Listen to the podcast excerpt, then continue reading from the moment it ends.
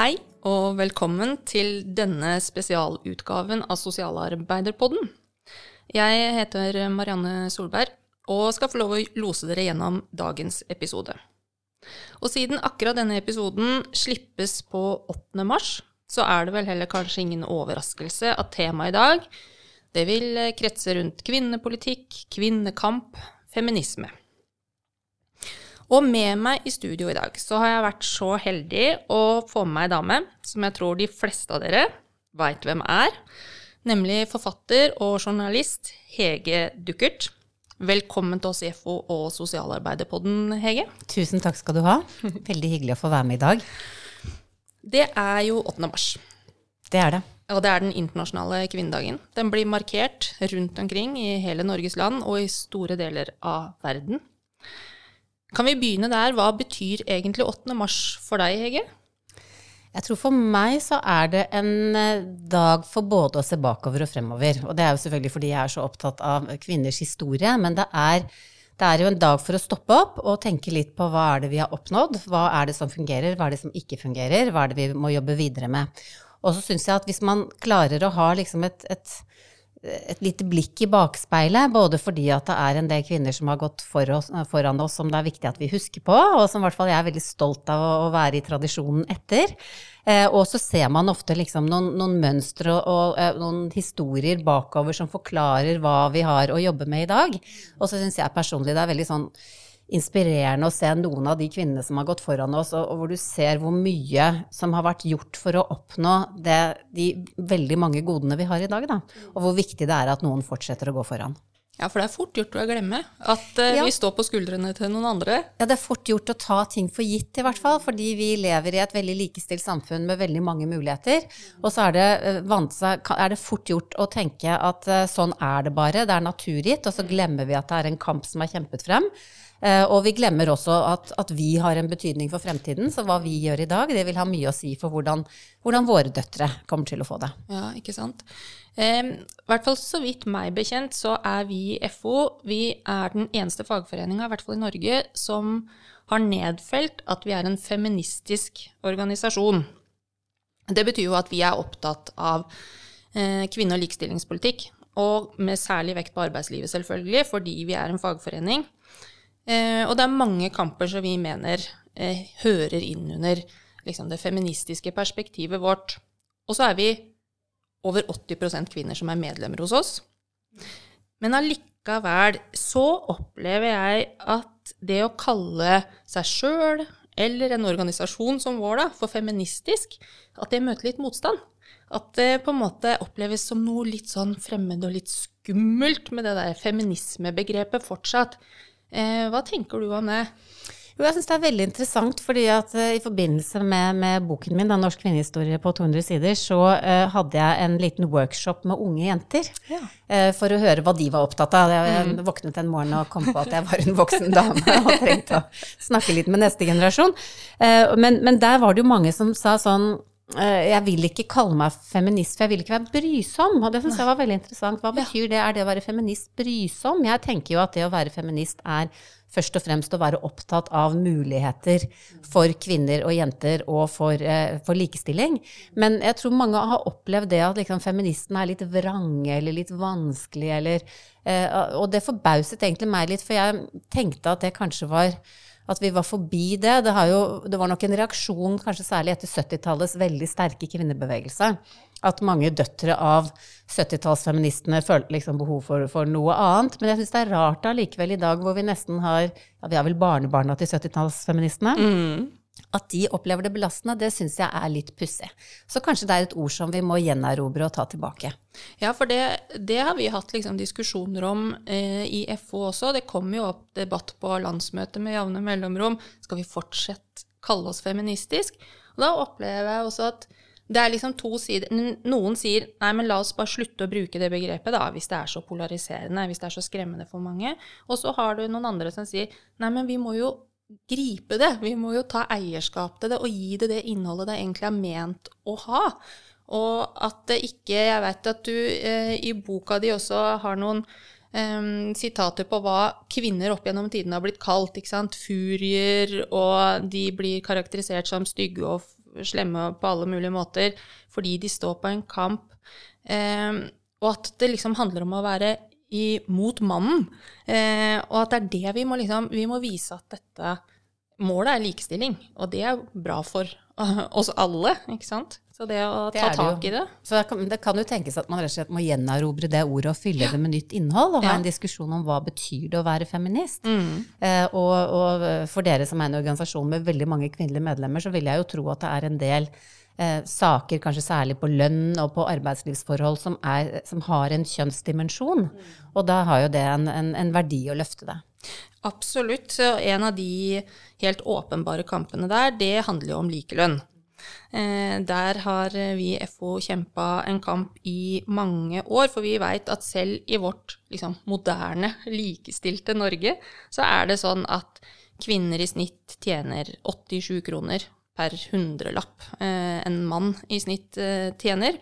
Skal ikke vi gå inn på liksom, detaljene, statistikken og det tariffpolitiske rundt det, de som er kjempeinteressert i å høre litt mer om det, kan jo rulle seg tilbake i episodene våre, for der har vi en spesialutgave om likelønn. Men um, jeg har lyst til å høre med deg om det er noe nettopp i den historien du har skrevet i boka di, 'Norsk kvinnehistorie' på 200 sider. Er det liksom noe i historien du har jobba deg gjennom som du tenker er med på å forklare hvorfor det fortsatt er sånn i dag at kvinner tjener mindre enn menn? Ja, jeg opplever jo at det er det at det er noen historiske årsaker som da har vist seg litt seiglivete og vanskelig å få bukt med. Eh, og for meg så var det en, egentlig en veldig sånn øyeåpner da jeg leste om eh, dametelegrafistene, mm. eller telegrafistinnene som de kalles. altså på, på midten av 1800-tallet så var jo det et helt nytt yrke i Norge, da telegrafen kom. Eh, og så i 1851 eh, så, så man seg i, i det statlige telegrafvesenet nødt til å ta inn to kvinnelige lærlinger. Og grunnen til det var at man hadde erfaringer fra England på at kvinnene klarte arbeidet ved telegrafen like godt som menn, og dessuten så var de fornøyd med mindre lønn. Nettopp. Og det er jo et interessant utgangspunkt, ikke sant? Fordi når det gjaldt sant, et, et, nytt yrke som telegrafyrke, da fikk menn og kvinner akkurat det samme tre måneders opplæringskurset. Sånn at man kunne ikke si at det var noe forskjell på kvalifikasjonene. Men tankegangen på den tiden var jo at eh, hvis du ansatte en mann, så ansatte du en familieforsørger. Men hvis du ansatte en kvinne, så ansatte du en eh, enslig person som skulle forsørge seg i en kort periode mellom eh, konfirmasjon og ekteskap.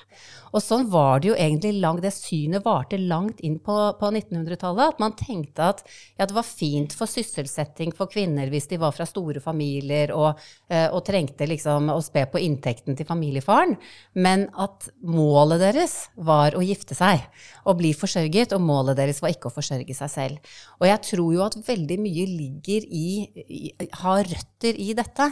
Og, og, disse tingene skjedde jo i en periode av norsk historie hvor man gikk over fra at de aller fleste norske kvinner bodde enten langs kysten og, og drev med fiske, eller bodde på gårder og, og kultiverte det de selv levde av. Og da jobbet jo menn og kvinner veldig sammen og ved siden av hverandre. Men med fremveksten av byene på 1800-tallet, og med den befolkningseksplosjonen som vi hadde i landet vårt, det ble jo tredoblet befolkning i Norge fra 1800 til 1900, kan tenke deg hva det gjorde.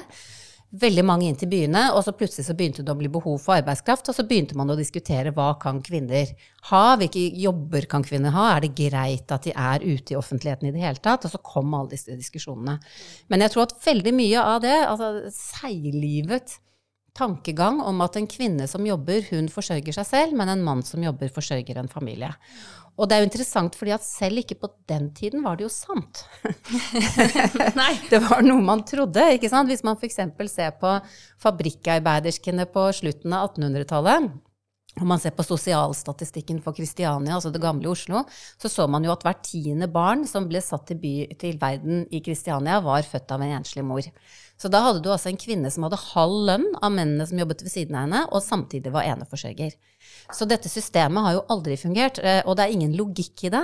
Men det, er, det sitter igjen et eller annet gammelt tankegods i at menn forsørger flere, og kvinner forsørger bare seg selv, og derfor så kan det være en forskjell.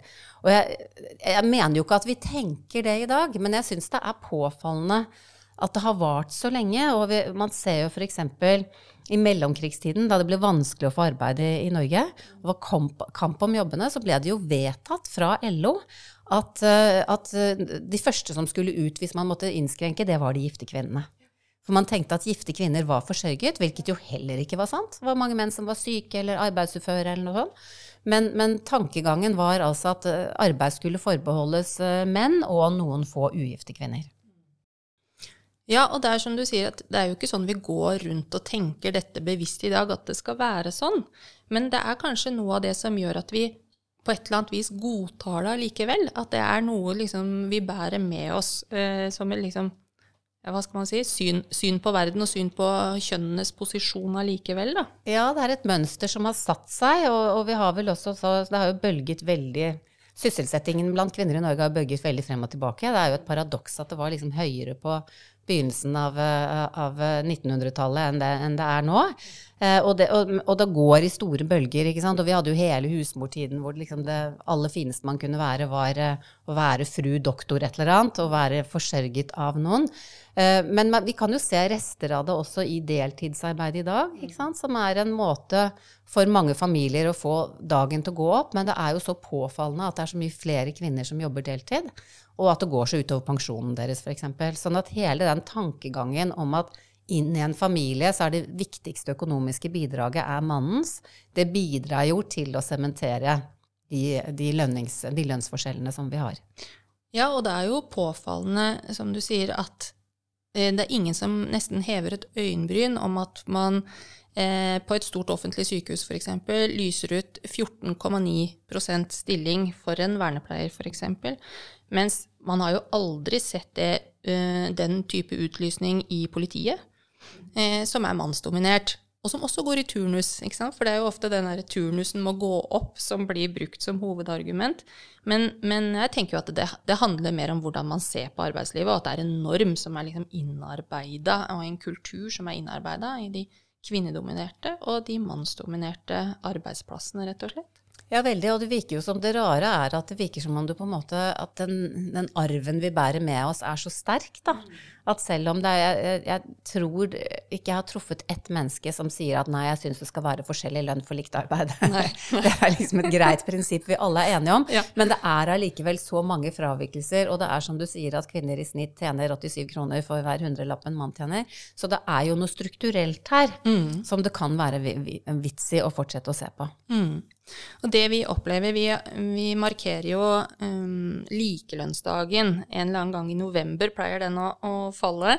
Det er liksom den dagen vi sier at ok, nå tjener ikke kvinner mer, no, noe mer faktisk resten av året. Vi har brukt opp årslønna vår allerede, ikke sant? Eh, og det er jo selvfølgelig en symbolsk markering av et viktig samfunnsproblem. Men vi opplever jo enormt mye motstand på de dagene. Altså Vi ser i media ikke sant, det rykker ut, eh, særlig næringslivsledere, menn med litt eh, pondus, og latterliggjør både tallene, statistikken, at vi misforstår, og at eh, vi må jo forstå at det ikke kan tenkes på denne måten. og Eh, og det syns jeg også når jeg leser boka di om kvinnehistorien, at, at jeg kjenner igjen liksom de samme mekanismene. Det har vært mye latterliggjøring og håning av de kvinnene som har stått på barrikadene for sine saker. Veldig mye. Og det var jo fascinerende på, på 1970-tallet, da Berit Aas eh, formulerte hersketeknikkene. Fordi at hun så nettopp det, at det har vært, liksom så, eh, at det har vært en systematisk måte å holde det ene kjønnet nede på. Mm i offentligheten, da, ved at latterliggjøring og eh, utestengelse, tilbakeholdelse av informasjon, alle den type ting har vært veldig effektive. Og det er ting som du ofte ikke kan få anført, eller som ikke er protokollført, eller som er vanskelig å holde fast ved, men allikevel er det veldig effektivt. Det er jo noe med å kjenne på den motstanden og den latterliggjøringa når man står aleine, hvis man er en av de liksom profilerte. Eh, men det derre at man har vært et fellesskap, og at man har organisert seg. Organisert seg i kvinnebevegelsen, i fagbevegelsen. Hva har det hatt å si for historien, tenker du? Jeg tror det har hatt uh, enormt mye å si. Eh, både på, altså Noe har jo hatt veldig sånn uh, Man har oppnådd ting på kort sikt, men jeg tror særlig liksom, hvis man har litt langt perspektiv på det, så har det hatt enormt mye å si. Eh, de første kvinnene som organiserte seg i, i, Norge, de gjorde jo uh, på en måte nesten nærmest ved et, et uhell, altså som var fyrstykkearbeiderskene i 1889, da de mm. streiket. ikke sant? De, de hadde jo ingen organisering, men det som skjedde med dem, var jo at de opplevde at fabrikkeierne brukte Eh, den makten de kunne bruke ved å si at allerede halve lave lønninger skulle settes ned. Eh, fordi at man begynte allerede å snakke om at eh, mekanikk og det som vi da snakker om, er automatisering, og man kan erstattes av noe annet. Så, så, så, ble det for mye for dem, og dette kom jo også sammen med en gryende arbeiderbevegelse i Norge og en, at man begynte å organisere seg. Men jeg tror at det at de gikk sammen uten å ha noen plan for det. Altså at det, det gikk liksom et tog av kvinner fra én fyrstikkfabrikk til en annen i, Kristiania eh, og sa at dette kan vi ikke finne oss eh, i mer. Og så fikk de jo mye støtte og hjelp når man skjønte hva slags forhold de jobbet under, fordi fyrstikkarbeiderskene var så et så veldig godt eksempel på et dårlig arbeidsliv fordi de eh, både hadde veldig lav lønn, men de også hadde veldig helsefarlige forhold. Altså De jobbet jo ikke med sånne fyrstikker som vi har i dag, men med, men med svovelstikker, som var hvor du hadde veldig helsefarlige gasser. Og et stort problem var f.eks. at de gikk rett fra eh, arbeidet sitt til spisepausen uten å ha muligheten til å vaske seg ordentlig. Dette var en tid hvor det var eh, dårlig tilgang på vann og såpe. Sånn at de fikk i seg for mye eh, dårlige stoffer. Eh, og det gjorde jo at det var et utrolig tøft system. Og fyrstikkarbeiderstreiken eh, er jo blitt liksom et sånt eh, omdreiningspunkt for kvinners organisering og kvinners streik, selv om den på kort sikt ikke førtes i seg veldig mye. De, de, ikke, de streiket i syv uker og fikk ikke mer lønn, men de fikk noen goder, og de fikk noe bedre eh, tilgang på såpe og vann og sånne type ting. Men jeg tror på, på, litt sikt så hadde den en enorm betydning, fordi at den viste det at når man står sammen, så får du fokus på en sak på en helt annen måte. Mm. Det som er litt fascinerende når man eh, For fyrstikkarbeiderstreiken er jo gjerne det man løfter fram. Da ofte så syns jeg at det nesten både starter og slutter med de mennene som liksom greide å, å løfte fram fyrstikkarbeiderne, eller som tilrettela for eller støtta eh, arbeiderskene. Det er også en eh, litt sånn usynliggjøring av den kampen som kvinnene faktisk gjorde selv. At de faktisk organiserte seg og faktisk løfta seg. Og sånn det, tenker du at du kjenner igjen det gjennom historien? Det, Veldig. Ja. Mm. Veldig tydelig. Og noe av det er jo at, sant, at det er eh, kvinne, altså det å, å, skrive kvinnehistorie er å bruke både liksom spade og tannbørste for å prøve å grave ut navn og ting. Eh, og, og det, det, skyldes jo at historien har jo altså, Man sier jo ofte at historien er blitt fortalt gjennom konger og kriger. ikke sant? Og det er ikke helt sant, men det er klart at de, de kvinnene som vi vet om i kvinnehistorien, det er jo ofte kvinner fra borgerskapet. Kvinner som hadde muligheten og motet til å stå frem, som hadde familier som støttet seg. Så typisk kvinner fra arbeiderklassen, som, som fabrikkarbeiderskene var, de eh, var helt usynlige. Og jeg vet at det har vært gjort forsøk på å, å, skrive bøker om dem, på å løfte frem deres historie, men det er så vanskelig å finne ut detaljer om dem, også fordi det er bare noen få av dem man har navnet på i det hele tatt. Så ble det forvansket ved at i Norge så fikk vi ikke en navnelov før i 1925. sånn at mange jenter i arbeiderklassen skifta navn hele tiden. Hvis de giftet seg, eller fra plassen de kom fra, eller Eh, de kalte seg Johannesen eller Johannesdatter, eller det, det, gikk litt rundt omkring. Og det gjør at det å, å finne dem kan ofte være veldig, veldig vanskelig. Og man jo nå, vet jo nå fra fyrstikkarbeiderstreiken at det var i hvert fall tre kvinner der som hadde begynt å organisere seg. Altså, Arbeiderbevegelsen begynte jo i 1887, og dette var i 1889. Så det var noen som hadde vært liksom, med i den gryende arbeiderbevegelsen. En som het Caroline Christiansen, vet jeg og et par til som man har navnet på. Men det er for få. Ja. Og det er jo fordi at kvinners uh, historie er Tankegangen også, særlig på 1800-tallet, var jo at kvinner skulle holde seg i bakgrunnen. Skulle trå tilbake, skulle være skjulte, skulle være i privatlivet. Så det ble ikke skrevet bøker om dem. Så de litt skjulte kvinnene, de eh, Jeg tror du også skriver i et sted i boka di noe om eh, ja, noe så man kan tenke banalt som eh, statuer. Hvor, ja. eh, er det Bergen du bruker som eksempel? ja, det er, bare, det er så morsomt i Bergen. Der er det altså flere Det handler jo om det handler om hvem er det som får plass i det offentlige rom. Ja. Hvem er det som får gater oppkalt etter seg, og mm. hvem er det som får statuer. og statuer er litt interessant, for det er sånn en blanding av, av offentlige og private penger ofte. Mm. At man samler sammen til minnesmerke. Og akkurat i Bergen så er det vel sånn at det er flere statuer av buekorpsgutter enn det er av kvinner. og mange steder er det mye flere statuer av dyr enn det er av kvinner. Eh, og Eh, og når jeg sier kvinner her, så mener jeg jo da navngitte kvinner. For mm. det det fins eh, over det ganske land, er jo mye sånn alt fra havfruer og nymfer og eh, eh, ja, masse forskjellige typer kvinnesymboler. Mm. Sånn at mitt kriterium når jeg leter etter hvem som er på sokkel, er jo at de må, de må ha et navn, og de skal ha klær på. da, da godtar jeg dem som et kvinnelig minnesmerke. Ja, hvis man begynner å legge merke til det, altså begynner å tenke når man går rundt i en by og ser hvem er det jeg finner på sokkel, så er det som du sier, litt avkledde anonyme kvinner i en eller annen uh, obskør uh, positur, eller litt staselige statsmenn uh, påkledd og liksom kraftkarer. Um, og det er jo også interessant hvordan um, Dette er jo ikke tilfeldig. Eh, og eh, det er jo gjerne litt sånn usynlige strukturer vi omgir oss med, som er vanskelig å få øye på hvis man ikke blir gjort oppmerksom på det. Ja, og jeg tror jo at altså, vi er jo alle sånn at, at omgivelsene preger oss veldig. Og eh, kvinnesakspioneren Katti Anke Møller hun eh, sa at eh, det var en, en, stor diskusjon da hun hadde barn på skolen på begynnelsen av 1900-tallet, hvor de snakket om at, at uh, små pikene, som de kalte dem, ikke var gode i historie. Og så sa hun men det er jo kanskje ikke så rart, fordi at de leser jo bare om menns historie. Menns og gutters historie. Det er ingenting der de kan kjenne seg igjen i. Og det er jo sånn det er for oss alle, at hvis vi går i et bybilde hvor alle gatene er oppkalt etter menn, og vi bare ser menn og rare dyr på sokkel, så, så gjør det jo noe med vår naturlige autoritet i det mm. samfunnet. Og jeg, jeg, sier jo ikke at det er sånn at man går rundt og kjenner på det veldig sterkt, men det er de der bitte små signalene mm. som bidrar til hvem er det som har verdi i samfunnet vårt. Mm. Og derfor så tenker jeg at det at man har at man nå har eh, blitt mye mer oppmerksom på det, og at nye gater f.eks. kalles opp etter kvinner mange steder, er ekstremt viktig.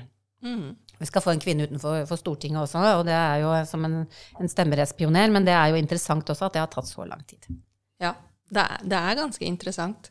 Um, når du har jobba med boka di, du sier jo noe om at det er, er jo ikke så enkelt å skrive kvinnehistorie. Uh, nettopp fordi det er vanskelig å finne kildene gode nok. Men hva, hvis du skal trekke fram liksom, noe av det du mener var liksom det du satt igjen med som de viktigste milepælene gjennom de 200 åra? Ja, det var et stort spørsmål. ja, det er vanskelig å velge seg. Ja, jeg, tror at, altså jeg tror at det er to ting som, som, eh, som jeg i hvert fall håper jeg strevde med under arbeidet. Og det ene er at når det gjelder de, de, kjente navngitte kvinnene i Norge, så er det jo et stort, stort arbeid å velge. For det er mange kvinner som burde hatt mer oppmerksomhet, og så er det liksom så mange du kan få plass til. Eh, det andre problemet er at det er så mange du ikke vet noe om. Eh, og jeg, jeg prøvde å ha et kriterium til den boken at jeg ville at alle kvinnene i boken skulle ha navn.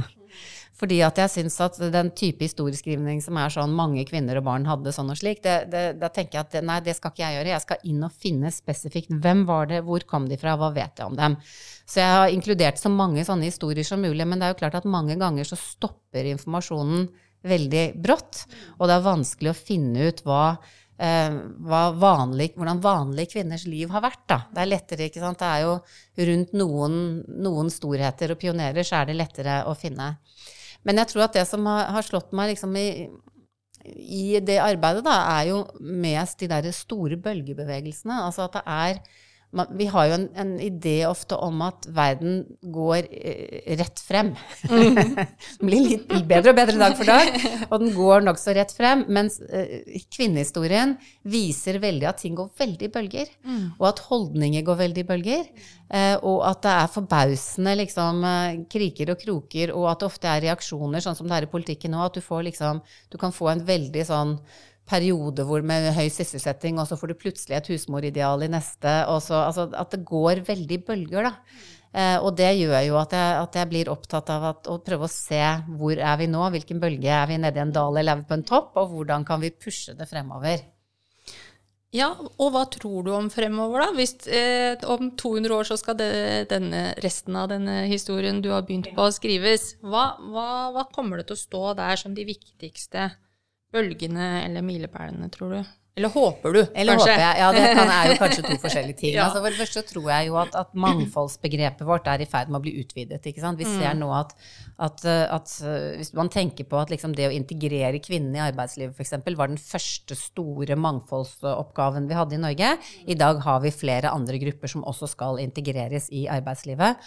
Og, og, det å klare å, å liksom leve sammen som mangfold og bruke kraften i mangfoldet, det tror jeg vi kommer til å ha, ha fokus på, uh, på en god del fremover.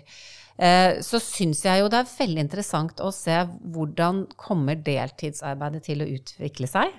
Eh, er det, sånn, eh, er det, sånn, at det kommer til å være noe familier må ty til for å få dagen til å gå over, eller kan vi tenke oss en annen samfunn og en annen måte å jobbe på?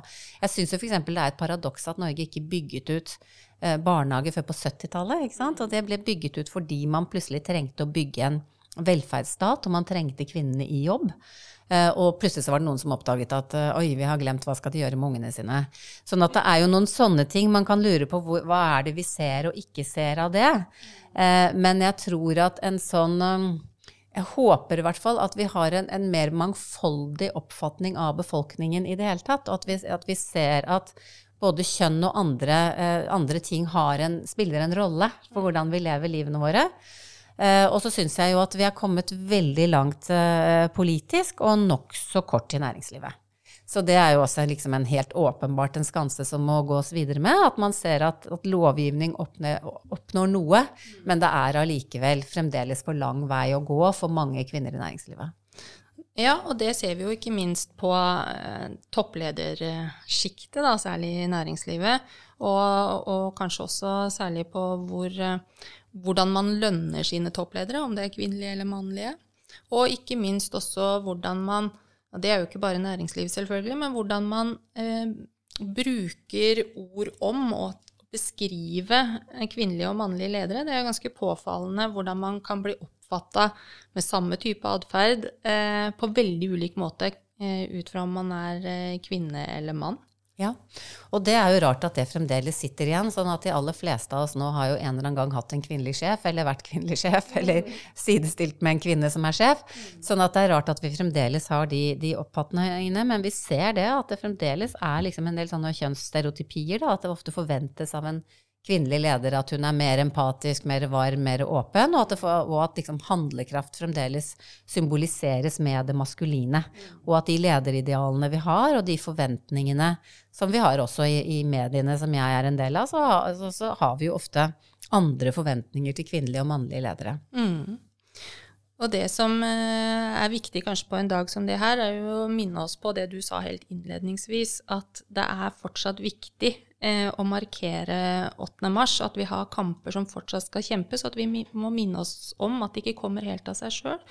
Jeg har ei jente på snart 13 hjemme, og hun har skrevet oppgave nå før vinterferien om feminisme. Fordi at det fant hun ut at det trengtes i klassen hennes fordi at der hadde de snakka om jobber og hva de hadde lyst til å bli. Og da var det noen av guttene som hadde sagt skulle i hvert fall ikke bli sånn sykepleier, for det var jo en jentejobb. Og det syntes hun var så rart, at det, at det, var sånn. At de gutta mente at det var gutte- og jentejobber fortsatt. For vi har jo snakka litt om sånt hjemme, selvfølgelig, så hun to, catcha den litt. Men, men, jeg må jo også si at jeg blir litt sånn forundra over at vi liksom det er, jo, det er jo de som kommer etter oss. Det er ja. neste generasjon. Og det kan man jo eh, det kan man jo undre seg over. Og jeg tror en av mine sånn motivasjonsfaktorer da jeg jobbet med denne boken, var at jeg har et eh, fadderbarn som hun var vel 15 da jeg begynte på dette arbeidet, og hun ble veldig opptatt av uh, hvor, altså hvordan lærematerialet var, hva som ble sagt i klassen. Altså for så opplevde hun at når de skulle sette opp liksom, når de skulle ha undervisning i de, de, de beste musikerne, altså våre tiders store artister og sånn, så var det liksom en kjempeovervekt av menn, og med en sånn vag begrunnelse fra musikklærere om at ja, men kvinner har liksom ikke kommet så langt ennå, og altså, noen sånne helt mystiske beskjeder til unge jenter. Eh, og hun viste meg samfunnsfagsboken sin, som jeg syntes var veldig interessant, fordi at det var jo mange som spurte meg da jeg jobbet med dette, er det virkelig behov for en egen kvinnehistorie, liksom? Er ikke det nå ordentlig integrert i norske historiebøker? Og svaret er ja og nei. Og når jeg sier nei, så er det fordi at f.eks. da samfunnsfagsboken til Hanna, som jeg fikk se, den har liksom lagt på kvinners historie i noen sånne små bokser. Altså det er liksom én boks om stemmeretten, én boks om 70-tallsfeminismen. Og som Hanna sa, hun fikk jo et inntrykk av at, at menns historie var den ordentlige historien, og så var kvinners på en måte litt sånn krydder eller litt sidehistorier til dette. Og det er jo ikke bare kjønn man ser det på. Vi ser at, at, at, det er fremdeles litt mye konger og kriger. Altså at vi, eh, vi forteller gjennom seierherrene. Eh, barns historie er underfortalt, fattiges historie er underfortalt, kvinners historie er underfortalt. Sånn at det er, det er fremdeles noen jobber å gjøre, da. Som, som, handler om det som datteren din driver med. At hun ser at her er, det, her, må, her er det noe vi må snakke om i denne klassen. For hvorfor er det sånn at noe er et jenteyrke? Og det tenker jeg det er jo det vi får håpe på, at den bevisstheten og den diskusjonen, at den fortsetter. Det tror jeg jo er det som vil dytte oss det neste skrittet fremover. Mm. Vi har absolutt en jobb å gjøre fremover. Eh, og skal vi gjøre det på gode måter, så tenker jeg at vi skal være bevisst på historien vår. Og det har du hjelpa oss veldig å kunne bli gjennom boka di. Så de som ikke har lest Norsk kvinnehistorie på 200 sider, de bør gjøre det nå. Har du valgt deg en parole du skal gå bak eh, i dag, eh, Hege? ja, jeg skal jo jobbe hele dag, for det er jo sånn akkurat 8. mars er det stor interesse for kvinnehistorie. Men, men, det er klart at, at det å liksom at li, altså, løn, Lik lønn for likt arbeid er jo et, et, gammelt slagord, men det er jo noe av det viktigste vi gjør, fordi at det handler om liksom, verdien vår som samfunnsmennesker, da, verdien vår i samfunnet. Så jeg syns nok det fremdeles er verdt å gå bak. Da går vi bak samme parole, Hege. Det er jeg veldig glad for. Og så da vil jeg bare få lov å si tusen, tusen takk for at du kunne være med oss i dag og dele eh, disse historiene. Så ønsker jeg alle dere andre en riktig god 8. mars. Finn dere et tog, finn dere en parole å gå bak. Vi har eh, fortsatt mange kamper som skal kjempes der ute. Og så helt til slutt så må dere veldig gjerne trykke på abonner-knappen der du hører på podkasten din, og del gjerne med venner og kjente. Takk for i dag.